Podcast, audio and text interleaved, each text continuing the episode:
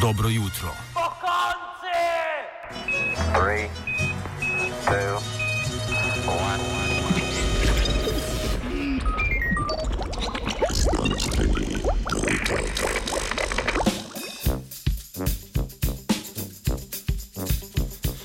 Dobro jutro, proteini in novi spomini.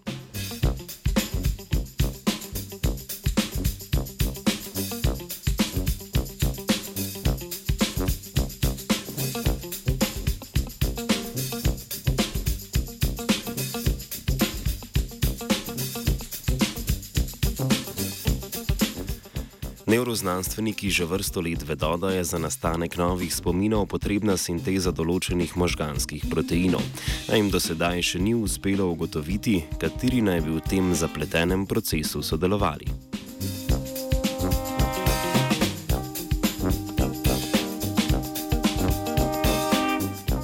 Raziskovalke in raziskovalci Univerze MIT pa so v začetku meseca junija v ameriški znanstveni reviji Nature Communications objavili raziskavo, v kateri so uspeli identificirati proteinski par, ki igra ključno vlogo pri ustvarjanju novih spominov.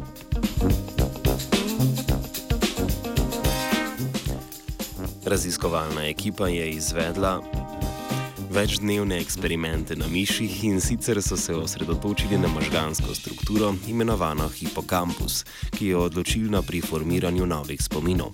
Mišim so v štirih različnih časovnih intervalih ubrizgali substanco, ki preprečuje formacijo spomina in jih pred ali zatem izpostavili novemu okolju. Ko so zdravilo aplicirali 30 minut pred predstavitvijo novega prostora ali pa le nekaj trenutkov pred tem, so možganom uspešno preprečili ustvarjanje spomina tega prostora. Ko pa so zdravilo obrizgali takoj po izpostavitvi novemu okolju ali kmalo zatem, to na spomin ni imelo učinka. Tako so določili časovno okno, v katerem poteka sinteza ključnih proteinov, potrebnih za formacijo novih spominov.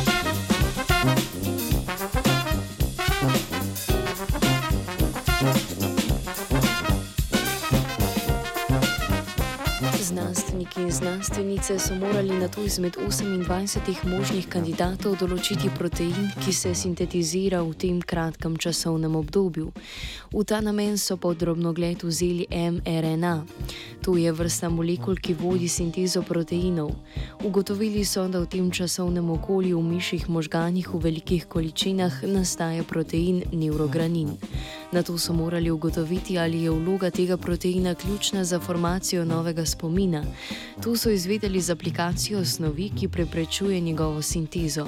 Opazili so, da v tem primeru miši niso ustvarile spomina novega okolja.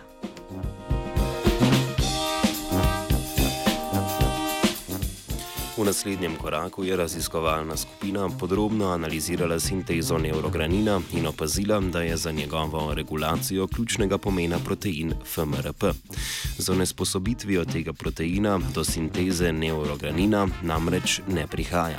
Na podlagi novih dognanj so avtori in avtorice raziskave prišli do zaključka, da je brez izredno hitre aktivacije omenjenih dveh proteinov, ki jih najdemo tudi v človeških možganih, ustvarjanje novih spominov nemogoče.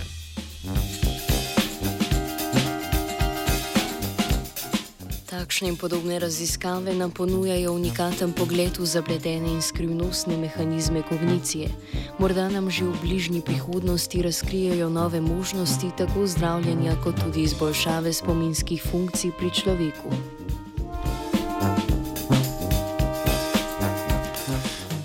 Čakaj, kaj moram že zdaj? A ja, z vami je nove spomine ustvarjal Marko.